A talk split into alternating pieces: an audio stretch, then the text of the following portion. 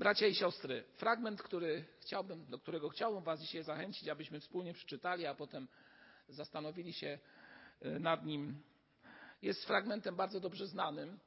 Jak to ostatnio jedna pani w urzędzie miasta, kiedy przychodzę e, do, tej, do pokoju, w którym ona urzęduje, właściwie tam są dwie panie i przynoszę dokumenty tak zwane ślubne. E, ostatnio wita mnie, mówi, no witam pana, sezon ślubny się zaczął. Ja mówię, no tak, to już okazuje się piąty ślub w tym roku. E, więc e, dzisiaj też będę chciał Was zachęcić, abyśmy przeczytali fragment z Pisma Świętego mówiący o weselu. O weselu. E, Ewangelia Jana, rozdział drugi. Ewangelia Jana, rozdział drugi. A tam czytamy. A trzeciego dnia było wesele w Kanie Galilejskiej i była tam matka Jezusa. Zaproszono też Jezusa wraz z jego uczniami na to wesele. A gdy zabrakło wina, rzekła matka Jezusa do niego, do niego wina nie mają. I rzekł do niej Jezus, czego chcesz ode mnie niewiasto? Jeszcze nie nadeszła godzina moja. Rzekła matka jego do sług. Co wam powie, czyńcie. A było tam sześć stągwi kamiennych ustawionych według żydowskiego zwyczaju oczyszczenia, mieszczących w sobie po dwa lub trzy wiadra. Rzecze im Jezus, napełnijcie stągwie wodą i napełnili je aż po brzegi. Potem rzekł do nich, zaczerpnijcie teraz i zanieście gospodarzowi wesela. A oni zanieśli. A gdy gospodarz wesela skosztował wody, która się stała winem, a nie wiedział skąd jest, lecz słudzy, którzy zaczerpnęli wody, wiedzieli, przywołał oblubieńca i rzekł do niego: Każdy człowiek podaje najpierw dobre wino, a gdy sobie podpiją wtedy gorsze. A tyś dobre wino zachował aż do tej chwili. Takiego pierwszego cudu dokonał Jezus w Kanie Galilejskiej i objawił chwałę swoją i uwierzyli weń jego uczniowie. Myślę, że fragment ten jest jednym z częściej przytaczanych fragmentów Pisma Świętego. Myślę, że e, w naszym kraju szczególnie. Podejrzewam, że domyślacie się dlaczego, tak?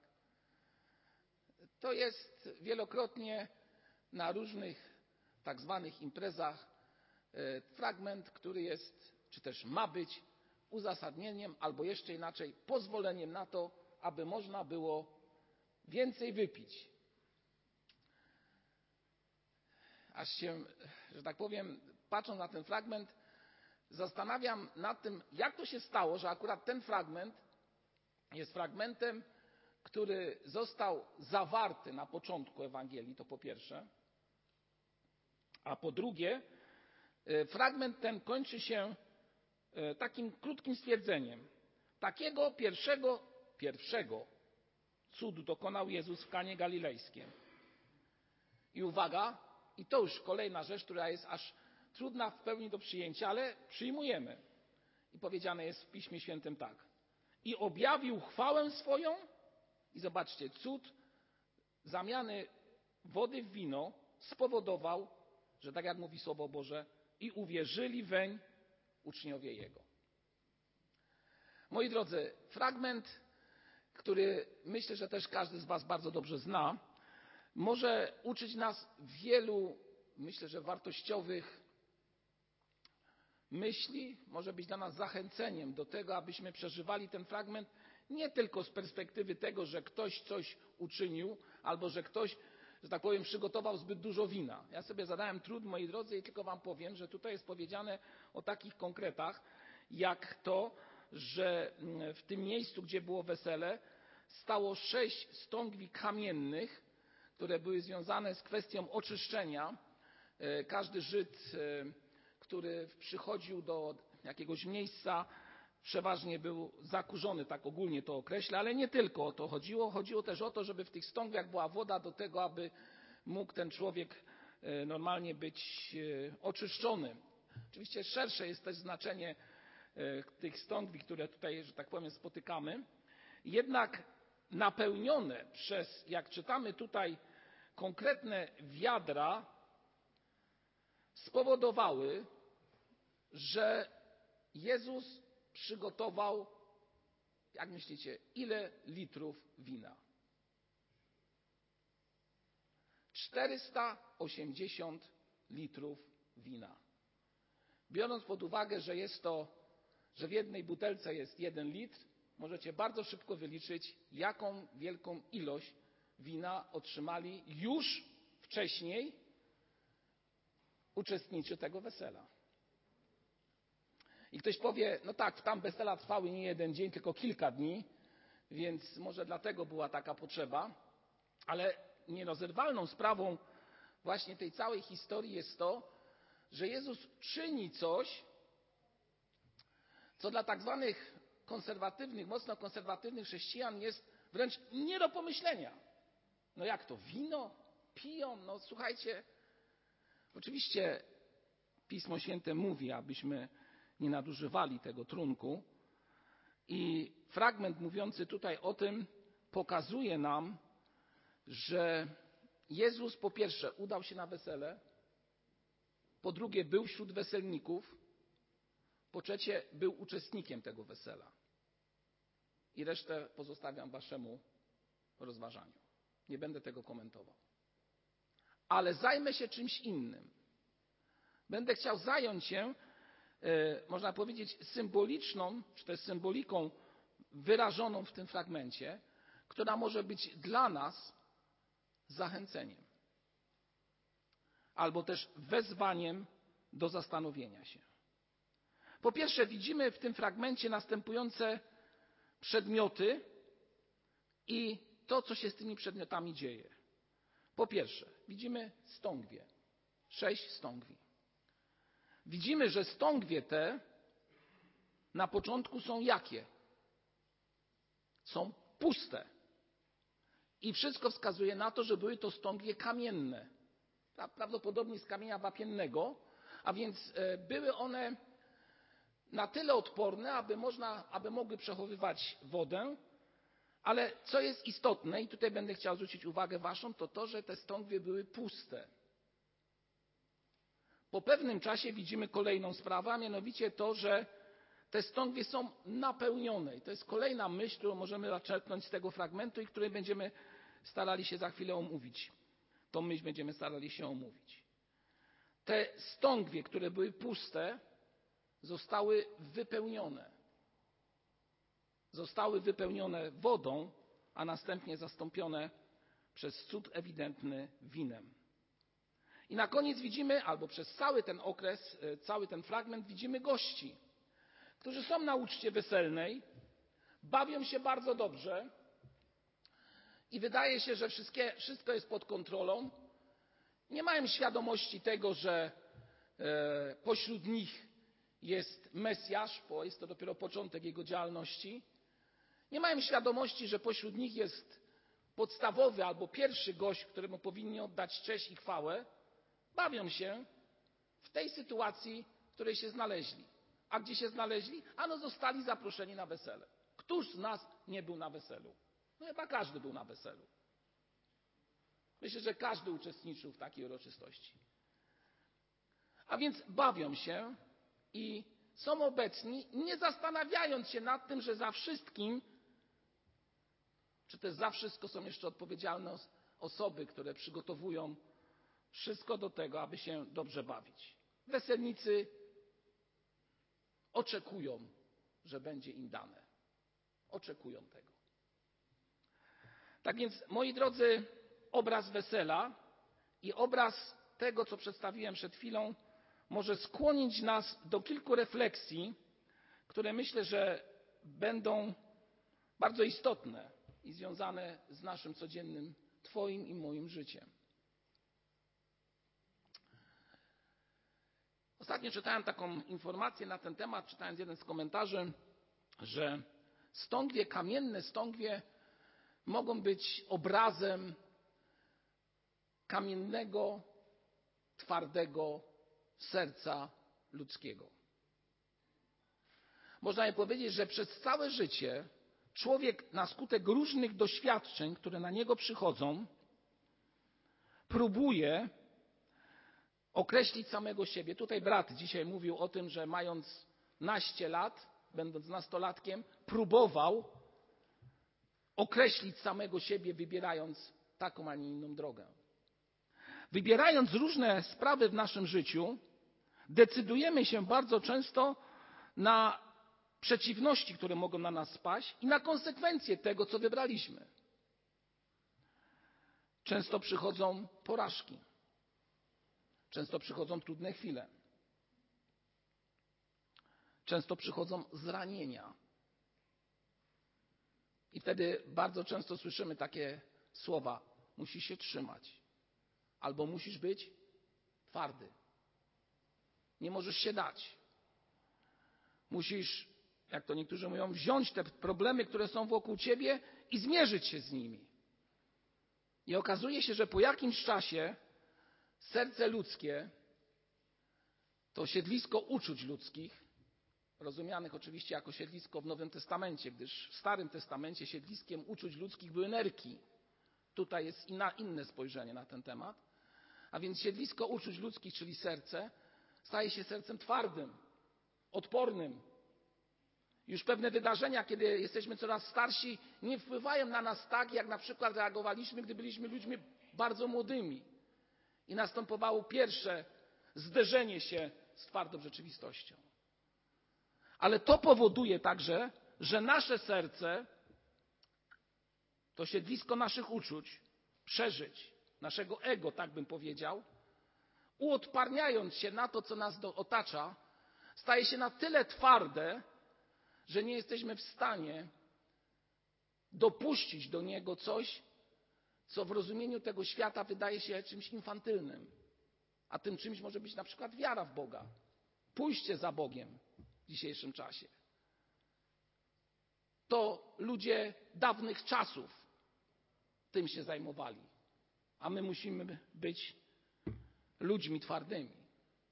I tak jak powiedziałem, kiedy człowiek, człowieka serce twardnieje na różne sytuacje, które są wokół nas, albo staje się te serce twarde i odporne, byśmy powiedzieli, na wiele wydarzeń, na wiele ataków słownych, których doświadczamy, na wiele przeciwności, które nas dotykają, to to twarde serce, moi drodzy, wygląda jak te stągwie, które na zewnątrz wydają się bardzo solidne, są przecież zrobione z kamienia, ale w środku są puste. Są puste.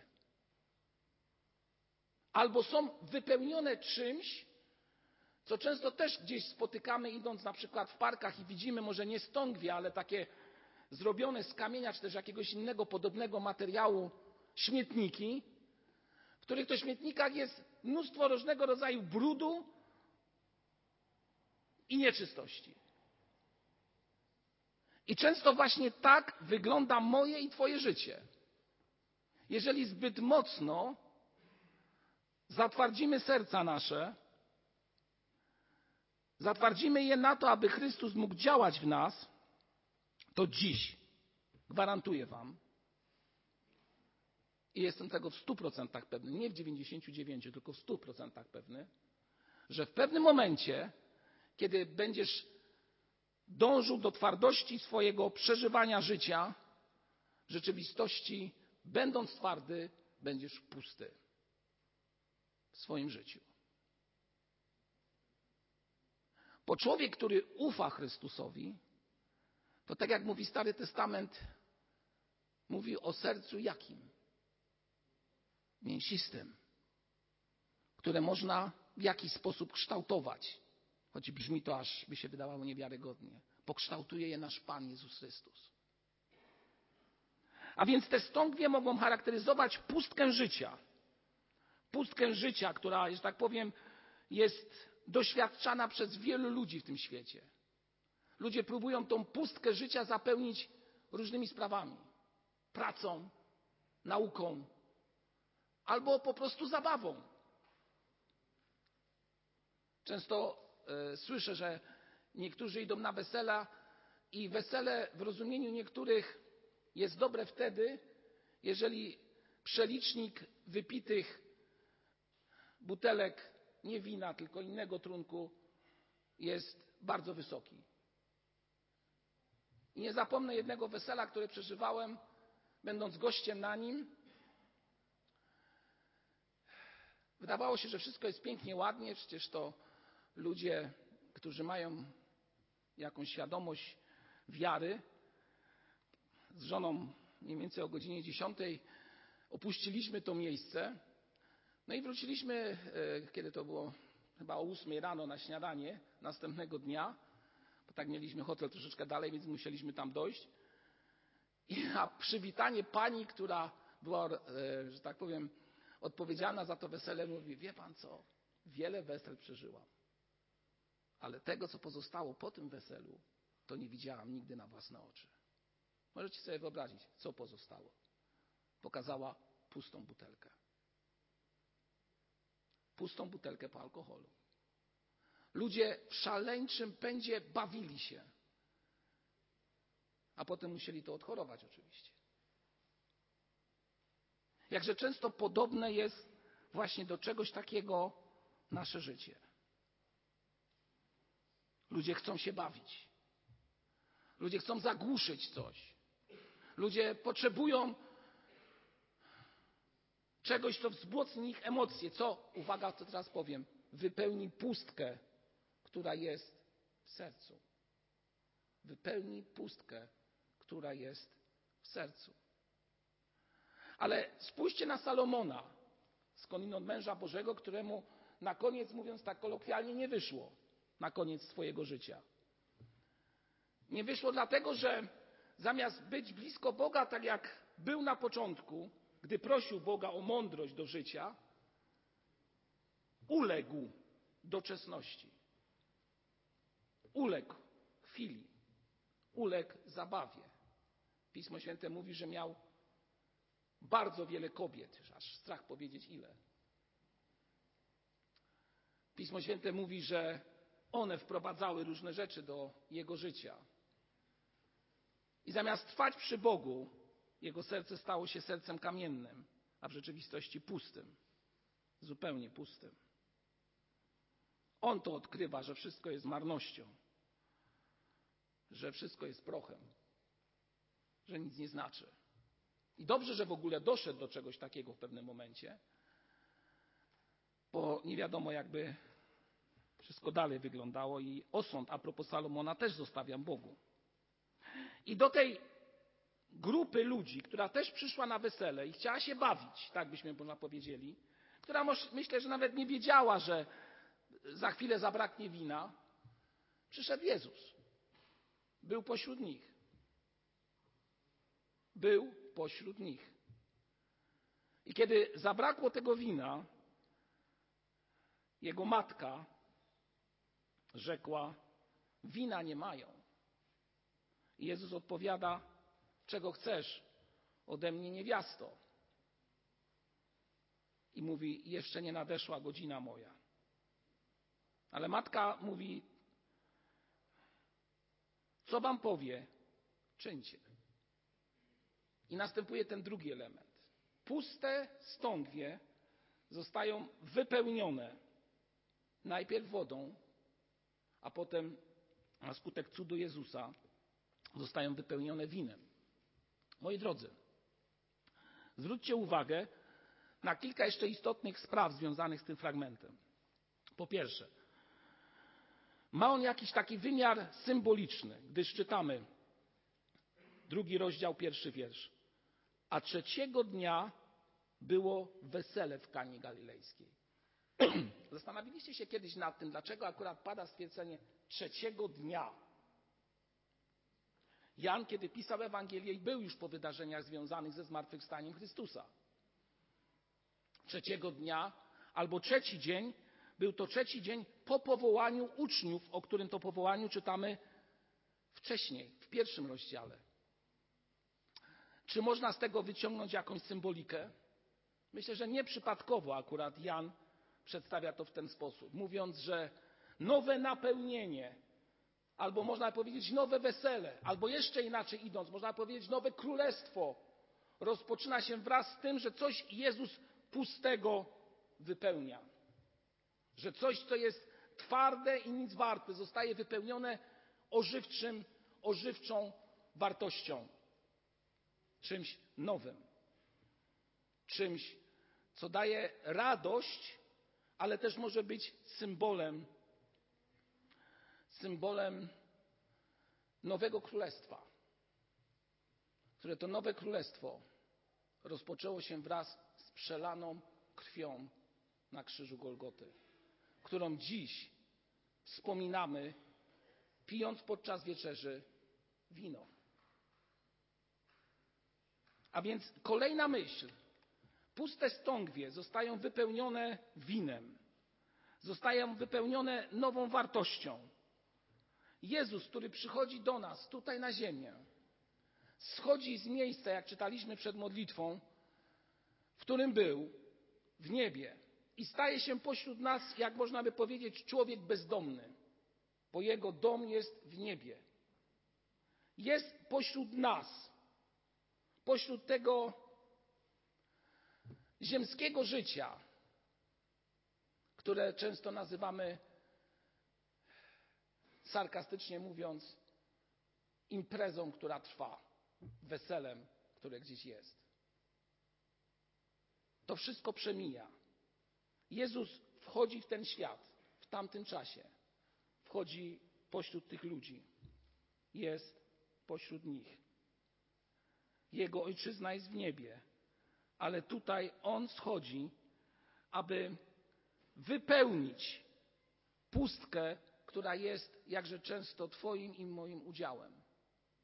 Pustkę życia, pustkę wartości, pustkę przemijania, pustkę doczesności, pustkę bez sensu i zawiedzionych nadziei, pustkę złych wyborów, pustkę wielu trudności, które nas spotkały. Ale nim nastąpi to wypełnienie przez moc Ducha Świętego Twojego i mojego pustego życia, musi nastąpić oczyszczenie. Musi nastąpić wyrzucenie tego, co te puste stągwie albo te puste serca moje i Twoje dzisiaj wypełniają. Tutaj czytamy, że te stągwie były puste, a ja idąc swego rodzaju jakąś taką alegorią chcę powiedzieć, że często te kamienne serca próbujemy wypełniać różnymi sprawami. I powiem w ten sposób, że często są to śmieci. Śmieci. Tak jak mówiłem o parku i o tych śmietnikach, które tam często widać które często się nawet przelewają tymi śmieciami, gdy ktoś tego nie sprząta. Jezus chce to wyczyścić. Jezus przebacza i wypełnia na nowo. I wypełnia na nowo. Bo to, co napełnia Twoje i moje życie, kontroluje mój umysł. To, co wypełnia. To, w czym jesteś, gdzie jesteś, dokąd idziesz, co przyjmujesz, to wszystko wypełnia Twój umysł.